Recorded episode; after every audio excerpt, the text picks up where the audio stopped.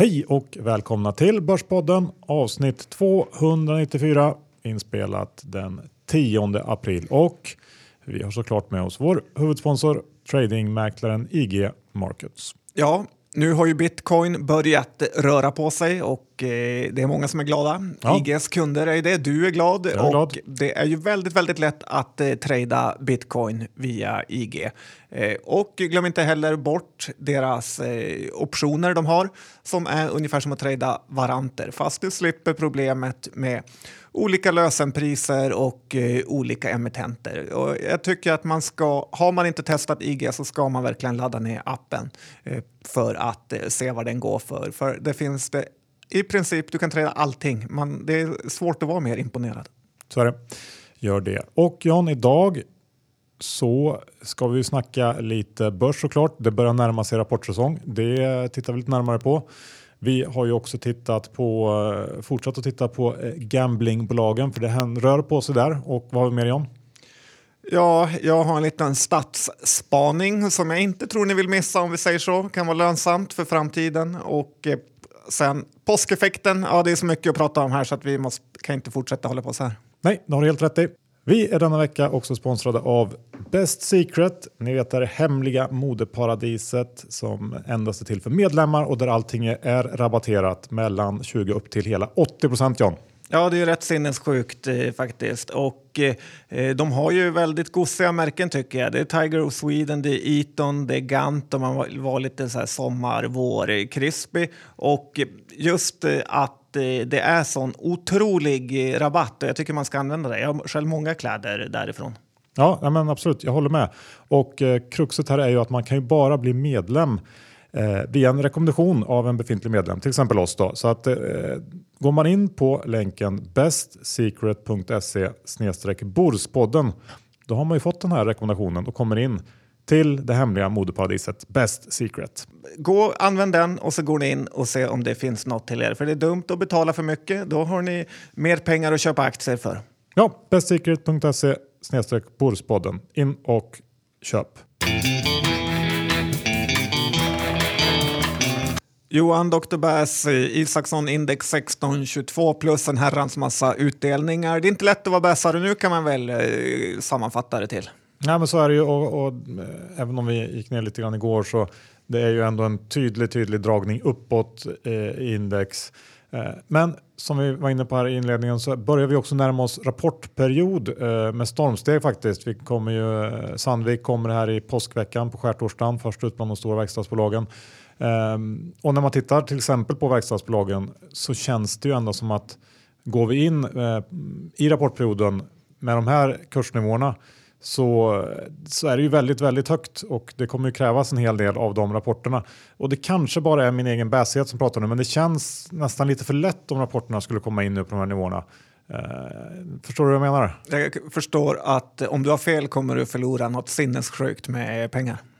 Nej, men du vet hur det brukar vara inför rapportperiod så brukar ju på något sätt börsen alltid justera till det så att man ändå är lite osäker där in, inför rapporterna. Men nu känns det som att, jag vet inte riktigt vad Sandvik som eh, noterar all time high igår tror jag ungefär eh, ska prestera för att kunna motivera den kursen. Jag vet inte, det känns svårt. Så att, jag tror ju ändå på något sätt att vi får i alla fall någon procent eh, ner innan innan rapporterna börjar komma in. Jag tycker att det vore rimligt. Ja, jag håller helt med. Och, eh, men man hoppas ju nästan att de ska stå kvar här uppe för att det gör eh, liksom, otroliga möjligheter till blankningsaffärer på rapportdag. Ja, eller så är det någonting man missar helt. Um, så kan det också vara. Ja, det är inte rätt ofta också. Ja. Uh, en nyhet den här veckan, en tråkig sådan John tycker jag i alla fall, det är ju att börsen har blivit helt anonym, i alla fall storbolagen. Ja, det har de blivit och eh, det är ju så att eh, slutgiltigen har robotarna och de utländska manipulatörerna eh, vunnit en gång för alla mot den svenska småspararen. Det spelar ingen roll hur många möten man har haft och hur många upp, uppror vi försökt fixa till det här. Eh, för vad småspararna säger spelar ingen roll. Eh, sparekonomerna ger gärna råd om allt och allting i Expressen TV, men att värna om small people finns inte på deras karta. Eh, lägg där till myndigheter, dark pools och alla annan djävulskap där ute så förstår man ju att det blir tuffare och tuffare. Men jag vill ändå ge en liten shout-out till alla oss som är aktiva på börsen på daglig basis. Småsparare, daytraders och allt vad ni är. Eh, vi är som den lilla, lilla ubåten i filmen Matrix som gör det omöjliga möjligt och eh, vi kommer fortsätta med det. En härlig liknelse. Och det är ju lite, lite eh, speciellt när man tänker på den här utvecklingen som sker på börsen för den går ju stick i stäv med hur allt annat i samhället rör sig. Jag tänker på GDPR och andra saker som, eh, som på något sätt eh, går åt andra hållet. Men här så ska man eh, få vara helt anonym och, och jag vet inte, det är konstigt. Nej, det är bara att skicka in 10 000 på börsen så kommer åtta tillbaka. ja, så kan man sammanfatta det. Vi går över till en notering som är på gång. Uh, vilken tänker jag på? Ja, det vet jag inte. Synsam. Ja, om den är på gång eh, nu eller dåtid eller när det kommer vet jag inte. Men det är ju så att den här noteringsmarknaden har ju blivit ganska het igen om man är ett bra namn. Och jag tror ju att Synsam kommer snart in på börsen. Det har ju snackats eh, mycket om det, bland annat Breakit. Och det är ju den gamla vd med, från Mekonomen, hockeyfrillan Håkan Lundstedt eh, som rattar det här schabraket. Tightbrallan kallas han också. Ja, han har ju många namn. Ja. Kärt barn. Och Eh, när jag var nere på stan igår, eh, vilket inte är jätteofta, eh, så såg jag nu att eh, Synsam håller på att ta över McDonalds eh, lokaler vid Norrmalmstorg. Och det är de absolut dyraste lokalerna som finns i hela Stockholm. Och eh, det är för att sälja glasögon. Så att eh, lite känner jag att Synsam är som MQ fast eh, med glasögon. Och då får vi komma ihåg att de, med den här vdn eh, som är en expert på att måla upp en fantastisk eh, framtid som sen slutar i 18 negativa år av avkastning så ska man passa sig. Att dessutom CVC Partners som är riskkapitalisten bakom det här bolaget gör ju inte eh, saken bättre. Så att kommer den här noteringen så håller så långt borta eh, ni bara kan. Ja. Kom ihåg när Mekonomen skulle bli stora inom snöskotrar. Det har inte hänt så mycket där. Nej, eh, så är det väl. Eh, något annat som eh, har hänt här är ju att eh, påskan den kom inte i Q1 i år. Nej, det gjorde den inte. Och, Eh, eh, jag tycker ändå att det är värt att diskutera, för påskeffekten var ju stor eh, förra året. Den ligger sent i år och det känner väl alla till. Eh, men man ska ju komma ihåg att den låg extremt tidigt förra året. Så för vissa bolag kommer det här eh, innebära att de får väldigt lätta jämförelsesiffror. Skärtorsdagen 2018 var ju på ja, en torsdag, men i Q1 och då var ju såklart långfredagen. Den var också i Q1 så att konsultbolag kommer ju gynnas väldigt positivt av det här. Eh, och börsen brukar faktiskt vara lite för dum för att eh, ta med de här siffrorna i beräkningarna. Och bolagen brukar ju dessutom vilja mörka när det är gynnsamt för dem, eh, för då tror de att det är de själva det beror på. Så att, det, sammanfattningsvis kan man säga att det är positivt för nästan alla bolag för de får en eller två dagar till att fakturera på men så att man kanske ska titta mer på bolagen det är negativt för och då är det ju Ica Axfood som säljer mycket påskmat. Det är dåligt för dem. De har ju redan varit snabba på pucken och eh, eh sagt att Ica sa att det var exakt 5,29 procent var negativt hur de liksom lyckas räkna ut det här med att påskeffekten kom fel. Eh, Cloetta är det här jättedåligt för eh, som har ju påsk som största högtid. Eh, jag tror den till och med före jul då alla ungar ska bli ännu tjockare med såna här påskägg och liknande. Så att, eh, eh sen har vi Skistar som får en lång säsong men bara en påsklovsvecka här i Sverige jämfört med två förra året. Så att, eh, mm. Eh, det det kommer bli lite lurigt i Q1 ska man komma ihåg. Absolut. Och jag tycker ändå att vi får ta upp det här med aprilvädret som folk går runt och säger. Eh, har du hört mycket om det? Nej. Nej. Eh, men det innebär ju att det är extremt oberäkneligt eh, väder och just nu är det ju svinkallt i Stockholm, eh, just över nollgradigt och man vet ju att klädbolagen är det här väldigt dåligt för, för de vill att det direkt ska slå om till varmt när det blir vår så att de får börja sälja sina nya kollektioner och inte att folk drar på sig vinterjackan igen. Jag läste även att England har fått någon liten köldknäpp så att det här gäller nog stora delar av Europa. Bara för att ta upp ett litet bolag så har vi VRG rapporterade idag idag. Eh, Venue Retail Group, tror att det gick bra eller dåligt. Ja, jag gissar dåligt. Ja, det hör man ju på namnet och det är ingen som helst munter läsning. Eh, de pratar ju bara om att stänga butiker och, eh, och det pratar om, om något som är positivt för att de kommer spara pengar och det innebär ju alltid eh, krisstämpel. Aktiekursen står ju 73 öre så att man behöver inte egentligen läsa rapporten för att förstå att det är kris. Eh, den är ner alltså kring 6 procent idag. De snackar också om där hur dåligt eh, ombyggnationen på NK är. Och lite undrar man ju hur många bolag som har hänvisat till den här eh, ombyggnationen på NK.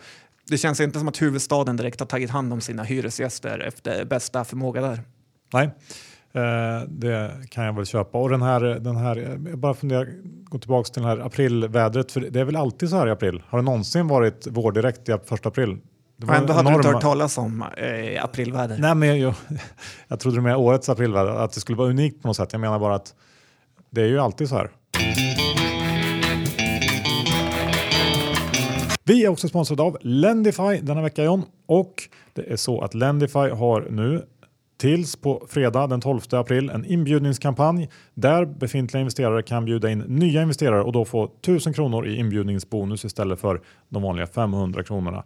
Och eh, den inbjudna får då i vanlig ordning 500 kronor och pengarna betalas ut på respektive konto så snart bägge parter har investerat minst 20 000 kronor i lån. Och det här är ju en eh, fin möjlighet om man vill passa på att få en liten extra peng på sitt Lendify-konto och eh, ja, Ja, verkligen. 5% direkt sådär är ju en eh, rejäl årsavkastning och jag tycker ändå att eh, när man ser till exempel DI köpreka resurs för att man får hög direktavkastning där, varför inte ta tag i saken själv och investera i lån så att du får avkastningen utan mellanhänder. Så är det.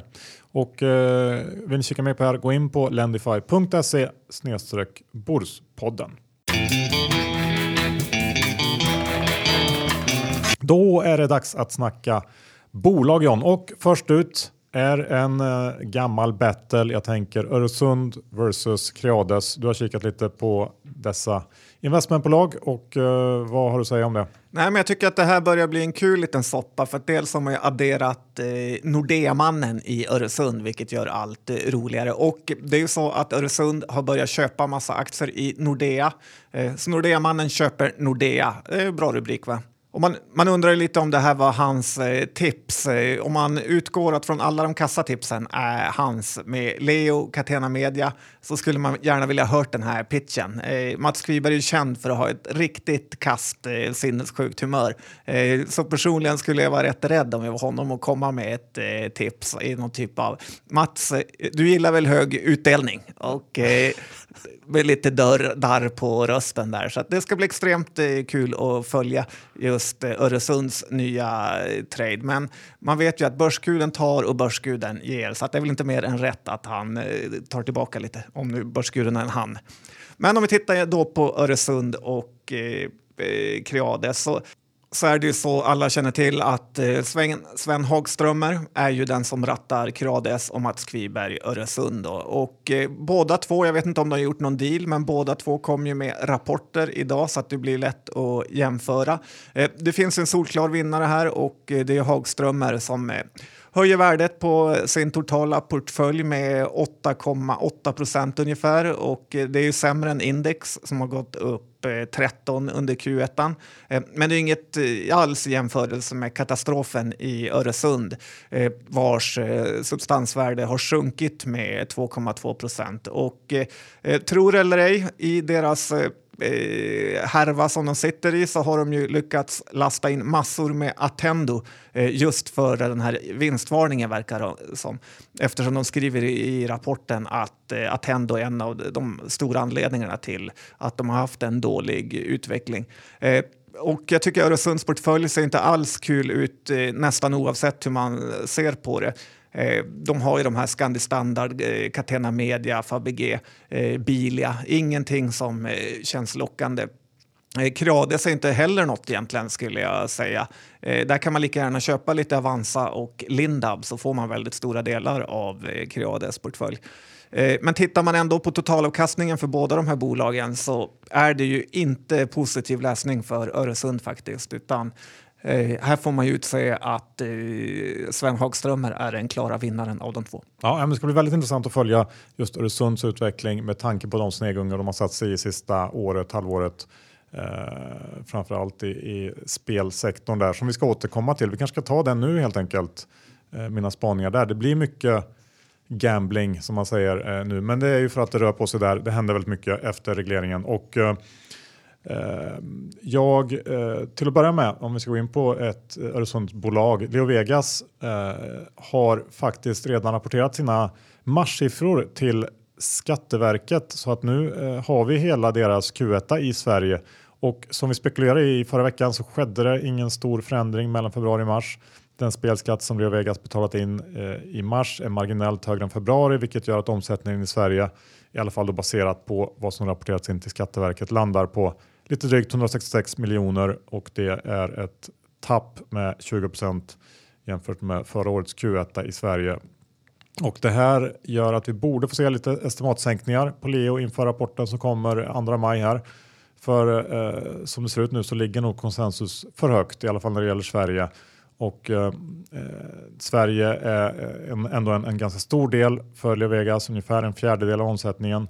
Eh, det är bara UK som är lika stor som också står för en fjärdedel eh, av totala intäkterna. Och, eh, eh, där kan det i och för sig vara så att det, det, har ju börjat visa lite tecken på vändning i UK. Det är möjligt att man kan överraska lite där men totalt sett så känns det som att de här, den här svaga inledningen i Sverige borde ändå Eh, innebär att marknaden ligger lite högt. Och eh, anledningen då till att jag i alla fall lägger en del tid på eh, Leo Vegas nu är att det här bolaget är i mitt tycke det renaste spelet på den svenska marknaden efter regleringen här.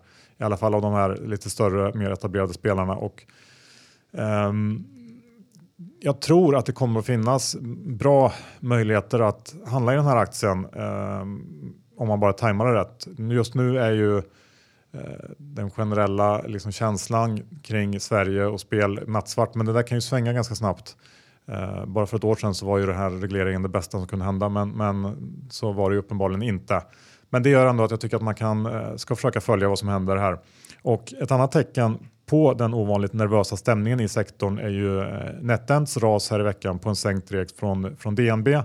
Aktien tappade över 10 procent och eh, det eh, DNB varnar för var just en riktigt dålig utveckling under kvartalet i Sverige. De räknar med ett, ett intäktstapp på ungefär 30 procent i Sverige under Q1 och det ligger väl ungefär i linje med de siffrorna som vi har fiskat fram från Skatteverket. Möjligtvis kanske något i överkant kan jag tycka, men vi får se. Och Sverige står för knappt 15 procent av omsättningen för Nettan så det är en viktig marknad. Och eh, de menar helt enkelt att utvecklingen i Sverige kombinerat med fortsatt tuff konkurrens eh, har gjort att man sänker EPSen, eller EPS-estimaten för både 19 och 20 med ungefär 10 procent. Aktien nere på låga 30 spänn nu. Eh, ja, det, det, är också en sån här aktie som skulle kunna studsa upp, men eh, det är fortsatt tufft även för NetEnt.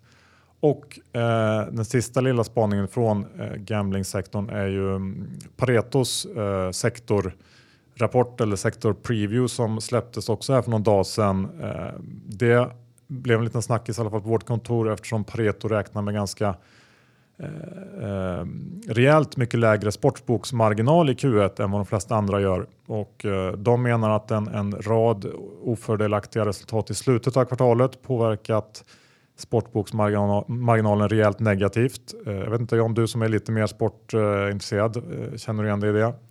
Ja, men det kan de ha eh, lite poänger i. Manchester City har ju vunnit eh, 23 raka matcher, så det är klart. Det jag är tror att det positivt. var lite EM-kval kanske och lite sådana matcher också som där det var mycket favoritsegrar. Jag vet inte riktigt. Eh, men eh, om det stämmer så skulle det drabba såklart Kambi men även, även sportspel tunga Kindred. Eh, samtidigt tittar man på eh, brittiska jätten GVC. De släppte sin Q1 Trading Update för bara någon dag sedan och de pratar visserligen om eh, något eh, soft gross win margins i Italien och UK på sportspelsidan men de karaktäriserar ändå sportsboksmarginalen för kvartalet i sin helhet som flat. Så att eh, det ja, mm, återstår, återstår att se om det blir så dramatiskt som Pareto verkar tro. Eh, jag har faktiskt lång lite Kambi, jag hoppas att de har fel såklart. Men, men här runt 150 kronor så har ju Kambi tappat ganska rejält från toppnivåerna i slutet på förra året. Det var väl uppe och nosa på 250 kronor som högst och nu är de nere på 150. Ehm, och då har man ju ändå eh, signat ett par nya kunder, bland annat en storkund här bara för någon vecka sedan. Och eh, det man faktiskt kan konstatera om vi ska knyta ihop säcken och gå tillbaks till Skatteverkets siffror är ju att den stora vinnaren så här långt eh, i det nyreglerade spelsverige är ATG som ju också är då kund till Kambi och det borde ändå ge ett eh, ja, inte helt försumbart tillskott till, eh, till Kambi. Så att, eh, vi får se. Facit eh, 21 april eh, i Kambis fall för då kommer Q1. Mm, a lot of information där Johan och eh, ta in några eh, snabba kommentarer är ju eh, Kambi har ju rasat men det är ju lite också det här 888 triple 8 eh, härvan. Eh, det är ju så att eh, stor del av intäkterna kommer från de två största kunderna och det är ju kanske uppemot 75 procent är ju Unibet och triple 8. Eh, men visst, jag håller med. Jag är också lång Kambi. Jag tror att det är ett, kan vara en bra, bra läge, även om det såklart är riskabelt. Vad gäller Leo Vegas är jag också lite lång nu för att eh, det är spännande när en aktie har tappat eh, så otroligt eh, mycket.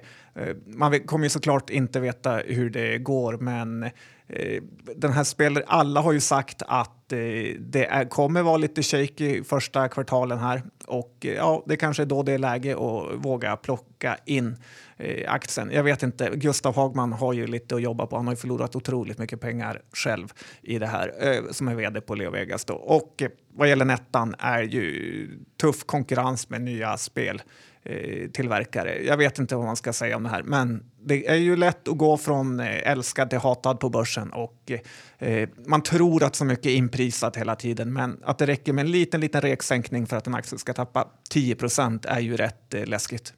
Ja, nej, men det är väl en bra sammanfattning där. Jag håller med om både eh, om, om Leo där. Att det, det är väl sådana här tillfällen man ska köpa om man nu ska det. Um, och en sista tillägg kring Kambi är ju att nu är man ju nere på nivåer där vi var innan det här genombrottsavtalet med DraftKings i USA som ju var så eh, ja, banbrytande. Så att det, har man lite perspektiv på det så tycker jag ändå att det känns som en intressant nivå eh, att kliva på. Eh, Anders Ström köpte ju också aktier här omkring för eh, några veckor sedan. Så att, eh, ja, men med det sagt så lämnar vi spelbolagen och går över till någonting mer handfast. Jag tänker på bygg. Sernike Ola Serneke, mannen eh, som är den som skickar Börspodden de suraste mejlen. Man kan tro att det ska vara Cassandra eller Hexatronic-ägare eller andra bolag som vi dissar, men nej, nej. Minsta negativt man säger om Serneke så kommer tre A4 mejl från Ola himself som säger hur kass och okunnig man är.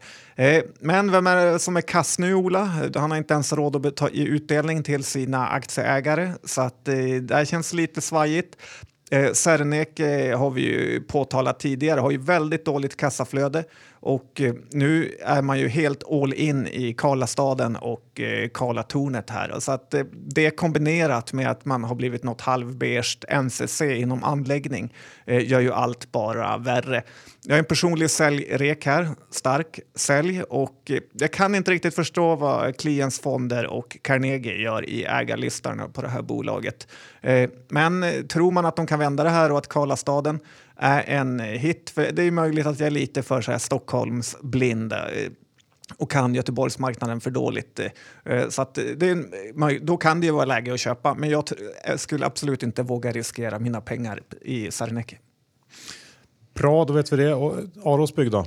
Ja, men det här är ju en lit, kan vi ta en liten snabbis om det? För att det är ju så att för mig är det helt obegripligt hur det här bolagets eh, pref kan handlas över eh, par eller vad man ska säga. De kom ju in ganska nyligen på börsen.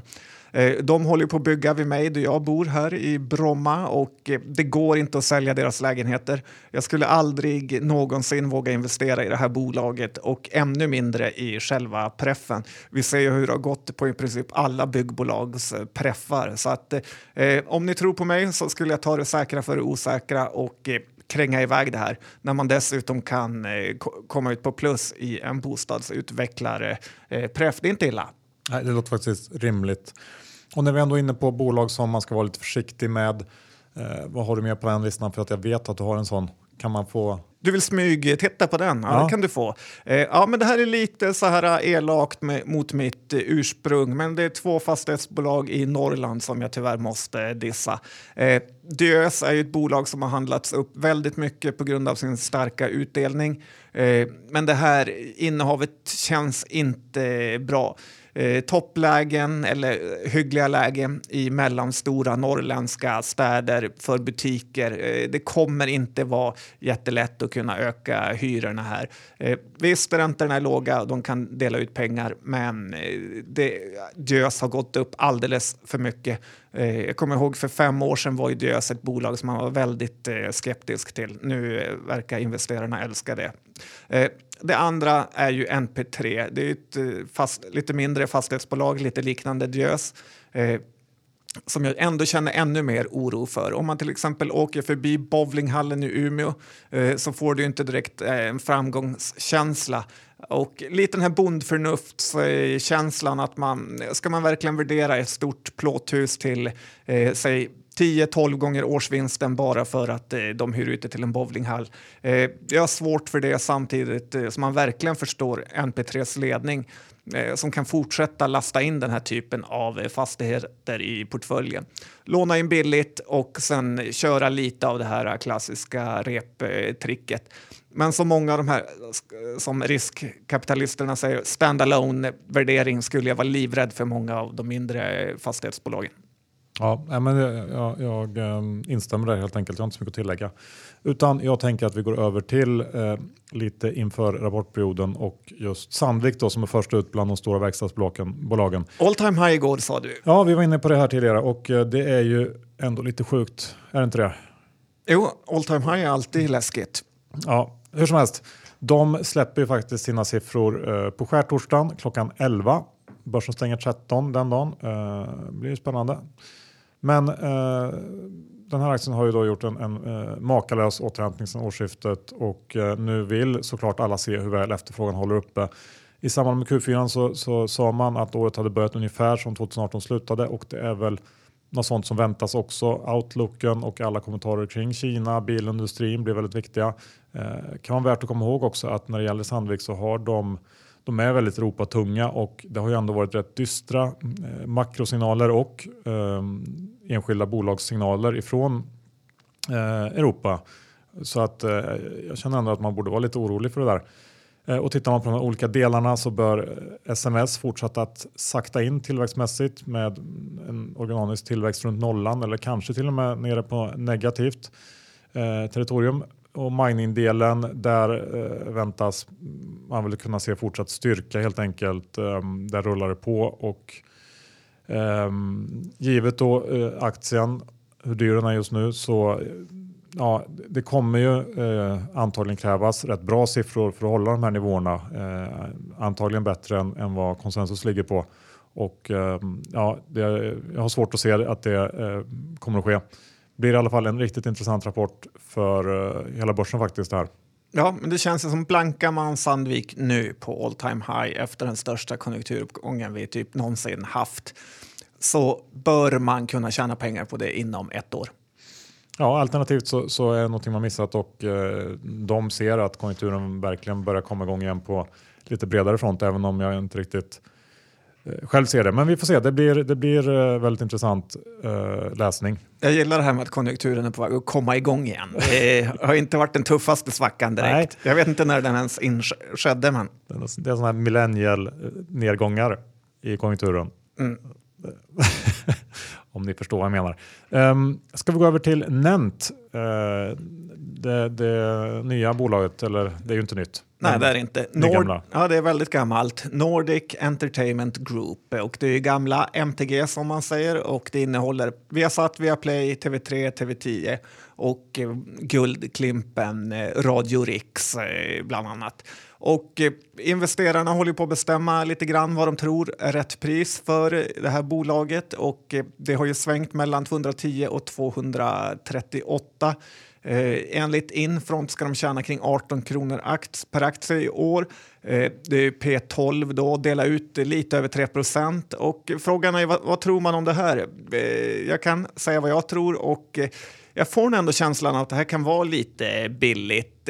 Lite som Loomis inom eh, tv-branschen. Eh, Eh, för dels har de det här sportbenet att stå på som kommer finnas eh, för alltid eftersom man alltid vill säga sport live. Och sen den här gamla vanliga tvn tror jag ändå har eh, längre livstid än vad kanske många tror. Det är ju så att Lyxfällan, Paradise Hotel, Efterlyst, Ensam mamma söker gillar ju folk att slökolla på samtidigt som det är ju extremt billigt att producera.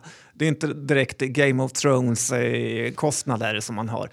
Och sen har vi annonsörerna som alltid behöver någonstans att synas. Eh, så att, eh, och i det med att de kan modernisera eh, det här med att göra appar och att det går att streama de här programmen så du kan se dem när du vill.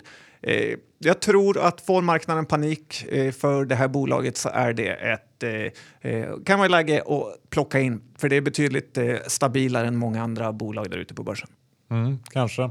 Du är inte rädd för de här kraftigt stigande priserna när det gäller sporträttigheter? Då? Jo, det är ett problem. Samtidigt tror jag, och man, vi pratade om det förut, hur Yahoo eller eh, Amazon eller någon kan köpa upp alla rättigheter. Samtidigt brukar det ju vara lite lönsamt att vara en mindre spelare som på den skandinaviska marknaden. Jag tror inte att de orkar ge sig in i den, utan här har vi satt ett... Eh, de kan bidda högre än vad de andra kan och fortfarande tjäna pengar för att de har så bra utvecklat eh, nätverk. Ja, men du kan ha en poäng där och jag gillar faktiskt eh, liknelsen att det är ett Loomis inom tv. Jag trodde du skulle säga att du gillar ensam mamma söker. Slut på avsnitt 294. Nästa vecka blir det sportlovsspecial tänkte jag säga, men det blir det inte utan det blir påsklovsspecial. Härligt. Ja, vi har en speciell gäst som är mycket uppskattad och gör comeback i Börspodden. Och, och det är inte mycket Syding. Nej, precis. Eh, men innan vi avslutar, vi ska tacka vår huvudsponsor IG Markets. Det ska vi göra. Och eh, de har barriäroptionerna och de har eh, fantastiska möjligheter till att trada bitcoin. Och dessutom så om det är som vi tror med rapportfloden att det är blankarläge så finns det möjlighet att blanka i princip alla aktier där.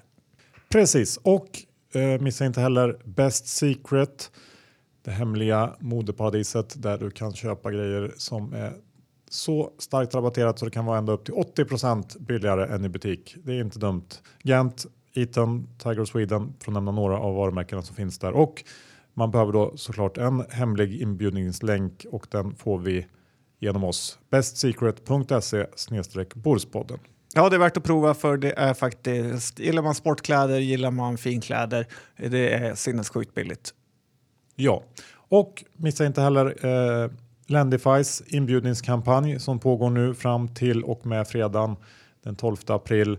Eh, det är alltså så att befintliga investerare kan bjuda in nya investerare och få 1000 kronor inbjudningsbonus istället för 500 kronor. Testa det. Och ni vet att ni alltid har vår länk lendify.se börspodden om ni vill testa. Ja, verkligen. Det här är ju ett extremt bra komplement till din vanliga portfölj. Ska vi avsluta med våra egna innehav? Om vi nu har några sådana. Jag är ju då lång Kambi som vi sa. Det var du också John. Du var också lång Leo Vegas. Uh, har jag täckt in allt? Ja, det har du faktiskt gjort. Kul att säga att vi äger lite aktier trots uh, toppkänslan. Men det är ju såklart de som har gått ner vi köper. Självklart. Tack för att ni lyssnade den här veckan. Vi hörs. Hej då!